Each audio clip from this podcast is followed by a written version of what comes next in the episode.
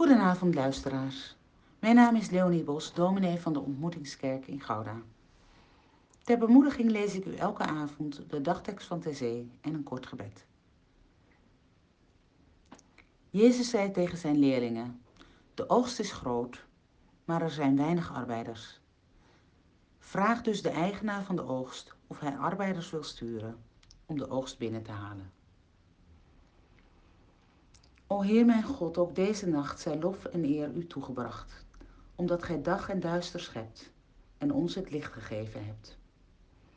Is deze arbeidsdag voorbij, dat mij de slaap een balsem zij, dan zal ik zijn in het nieuwe licht, als een die graag zijn dienst verricht.